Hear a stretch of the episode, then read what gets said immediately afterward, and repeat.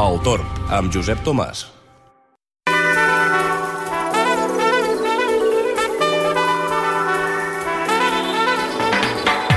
Comencem parlant amb el nostre company, en Roger Soler, que ens està esperant a l'altra banda del fil telefònic. Roger, bona tarda. Molt bona tarda, Josep. Doncs estem pendents de tots els fenòmens que estan succeint a la Terra, perquè déu nhi eh, aquesta setmana. Doncs sí, doncs sí. I primer, em sembla que ens vols parlar d'inundacions a, a l'Àsia. Doncs sí, exacte. Um, aquesta setmana parlarem d'actualitat internacional sobre fenòmens atmosfèrics i meteorològics.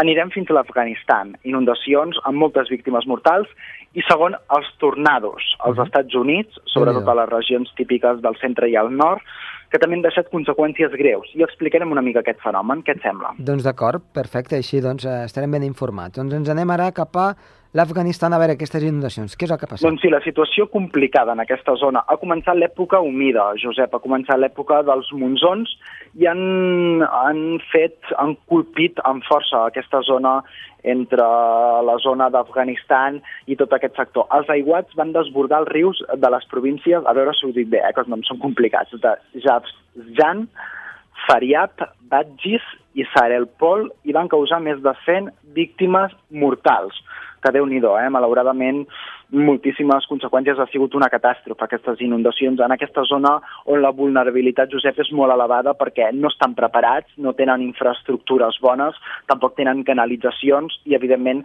la protecció civil i les emergències d'aquesta zona doncs, deixen molt que desitjar per fer prevencions i, sobretot, per fer evacuacions massives, doncs no estan gaire preparats en aquest país. Milers de cases també han estat engolides per les aigües i 5.000 persones han estat desplaçades, Josep. Per tant, déu nhi també la, la massiva gent, la massiva quantitat de gent que ha hagut de migrar, que ha hagut de marxar. No? Mm. Els helicòpters de l'exèrcit afganès han ajudat a les tasques de rescat de les zones més afectades i, les, com dèiem, Josep, les fortes pluges dels darrers dies han coincidit amb l'inici de l'estació humida al nord de l'Afganistan, que comença ara a la primavera entre l'abril i el maig. Però déu nhi com ha començat l'estació humida al Monzó, no? ha començat amb molta força i amb aquesta catàstrofe de 100 víctimes mortals i tot aquest, totes aquestes conseqüències de cases destruïdes, de gent evacuada i tot això. Doncs déu-n'hi-do, déu nhi déu la situació doncs, que s'està vivint en tota aquella àrea. Esperem que millori ràpidament. I ara ens doncs sí. anem cap als Estats Units. Doncs sí, perquè la situació no és millor eh, en aquesta zona dels Estats Units, en aquest cas per un altre fenomen. Una severa línia de tornados, una, una supercèl·lula convectiva de tornados va creuar el dilluns, aquest passat dilluns d'aquesta setmana, al centre dels Estats Units i va provocar la mort d'almenys 18 persones. Hi ha diferents fonts, Josep, amb divergències. Algunes fonts diuen 12 persones, altres en diuen 18. En tot cas, estan pendents també les autoritats de confirmar més víctimes mortals a mesura que vagin trobant la gent de sota les cases eh, esfonsades. No? Uh mhm. -huh. Doncs en aquesta zona, sobretot a la regió d'Arkansas i Oklahoma. És, va ser un sistema frontal molt actiu des de l'estat de Nebraska a Texas i va escombrar tot el centre dels Estats Units. Es van veure fins una trentena de tornados repartits per set estats. Arkansas va ser una de les regions més afectades amb notícies de tornados de gran abast, perquè te'n facis una idea, Josep, i els nostres oients, que algunes fonts parlen de 130 quilòmetres d'ample que tenia el tornado. Per tant, com pots comprovar, una devastació brutal en 130 quilòmetres, eh, on els vents als 150-200 quilòmetres per hora. Un d'ells es va situar a les afores de Rock i va recórrer 48 quilòmetres. Per tant, no només parlem de l'amplitud de l'amplada de l'embut, sinó també del gran recorregut que van fer i també de la quantitat de tornados eh, que hi van haver en aquesta zona. Eh? això... Els portaveus i les autoritats uh mhm. -huh. dels comtats d'aquest informava d'una situació de víctimes en massa, per tant, una situació també de catàstrofe eh, en aquest sector. La força del vent va arrencar cases senceres, arbres, i va destrossar tot allò que trobava pel mig. Els serveis d'emergència van actuar amb rapidesa entre la runa buscant les persones i per les properes hores s'espera que la inestabilitat més gran es vagi situant als estats de Tennessee i Alabama. Per tant, encara una mica pendents d'aquests tornados, un meteoròleg d'allà que es diu Mark Weinberg doncs, va informant a través del Facebook, ens va informant i podem estar una mica al cas a veure, anar seguint l'evolució a la zona dels Estats Units. Uh -huh. I, escolta'm, um, ho hem parlat una mica al principi, fes-nos un apunt de, de, de què és un tornado, perquè així doncs, eh, ens Què és un situar. tornado? Doncs seria una massa d'aire en forma d'embut que penja d'un núvol molt desenvolupat i arriba a la superfície terrestre. Podríem afirmar que és el fenomen atmosfèric ciclònic amb més densitat energètica de la Terra i potencial més catastròfic. La definició pròpia és una columna d'aire que gira sobre ella mateixa violentament estant en contacte amb el subsol. Quins són els factors que generen? Doncs moltíssima vorticitat. Què és la vorticitat? La capacitat de succió que té la massa d'aire amb pressions extremadament baixes al seu centre. Aquesta capacitat de succió fa que es formi precisament aquest embut i que sucli la base del núvol des del terra i que es formi aquesta mena de gir ciclònic de la massa d'aire. El segon factor, contrast tèrmic vertical molt fort. Hi ha d'haver com un xoc, una interacció brutal, extremada i forta de masses d'aire. En superfície hi ha d'haver aire càlid i a les capes hi ha d'haver molt aire fred. I precisament això crea aquesta mena de gir ciclònic en sentit, doncs, eh, en sentit antihorari, que és les zones ciclòniques eh, com gira els tornados, no? I després hi ha d'haver moltíssim cisallament. El cisallament és a diferents direccions o direccions oposades del vent a diferents capes de l'atmosfera. Per exemple, en un costat o a les capes baixes que et vingui vent de l'oest, per dir alguna cosa, i a les capes altes que et vingui vent de l'est. Juntament amb això, amb l'aire fred i amb la vorticitat, doncs eh, la massa d'aire és capaç de crear aquesta mena de gir ciclònic amb aquesta densitat en forma d'embut que arriba des de la superfície i penja de la base del núvol. Doncs, Eh... Aquest, aquest seria una mica el resum de les condicions. Evidentment, també hi ha moltes condicions locals i altres conceptes que algun altre dia repassarem amb més extensió. Doncs eh, així espero que ho fem perquè doncs, n'aprenguem una, una miqueta més. Roger, moltes gràcies i t'esperem la setmana vinent. Fins dijous.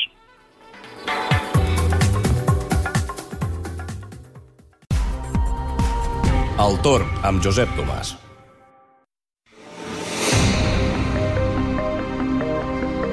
Hem acabat ja la temporada d'esquí, però encara hi ha moltes coses a explicar i avui en l'entrevista, eh, ja ho vam fer ara fa uns mesos, al principi de temporada, vam parlar amb una empresa que es diu Lugares de Nieve i que ens va explicar una mica doncs, eh, tot el que feia referència al món de l'esquí tant a Europa com arreu del món. I avui, doncs, ja que hem acabat aquesta temporada, si més no, pràcticament a tota Europa, sí que eh, volem tornar amb ells, volem parlar amb el Carles Rossinyol i també amb el Joan Soler, que són les persones doncs, que porten aquesta web, aquest negoci, perquè ens expliquin una mica com ha anat aquesta temporada. Tenim a l'altre costat del fil telefònic a Carles Rossinyol. Carles, molt bona tarda.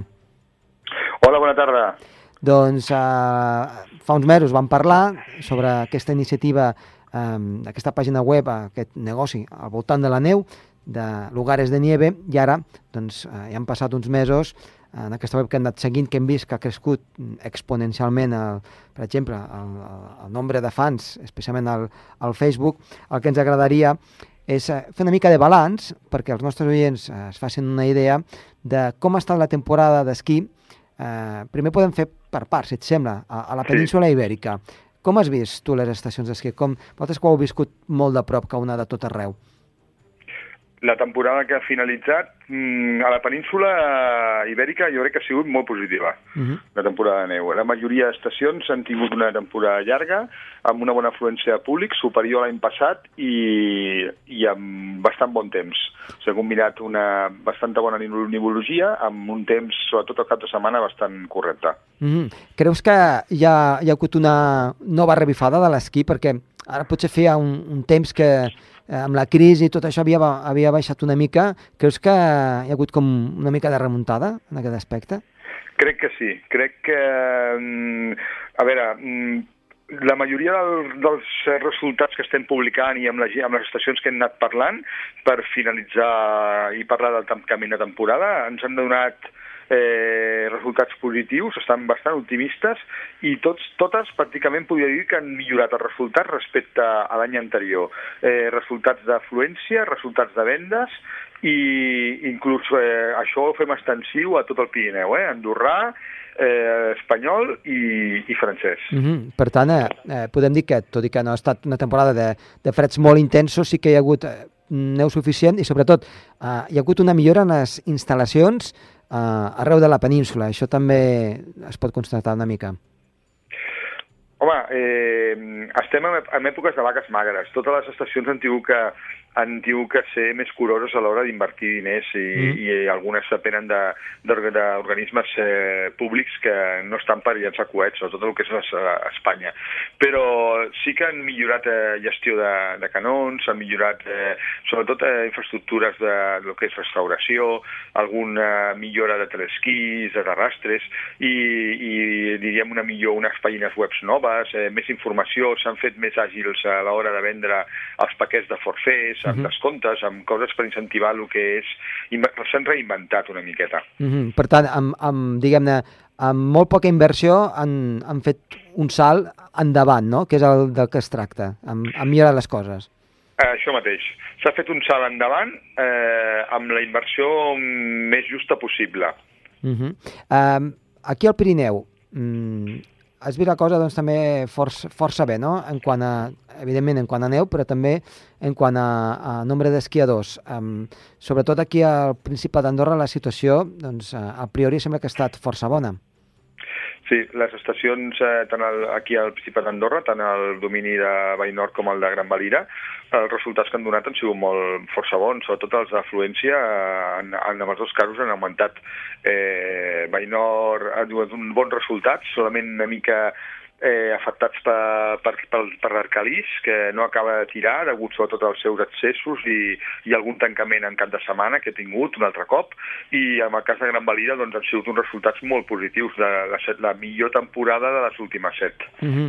uh, parles d'això dels accessos, que no sembla tan important a priori quan tu, tu veus, però eh, veig que només que tanguin dos o tres caps de setmanes això pot, es pot arrossegar durant tota una temporada.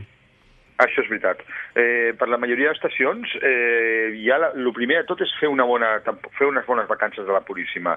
El pont de la Constitució espanyol, si, la, si el fan bo, si tenen bona neu i una bona afluència, diríem que tenen entre un 15 i un 18% de, de, dels diners assegurats. Uh -huh. Aquesta és el, el principal eh, el primer que tenen que passar és això, el pont de la Puríssima, i després els caps de setmanes més forts, que tinguin la sorra de tindre bon temps i no estigui la carretera tancada, o bé els remuntadors tancats per culpa del vent. Mm -hmm. I no, no penses que potser se la juguen molt? Perquè el pont de la Puríssima és a principi de desembre.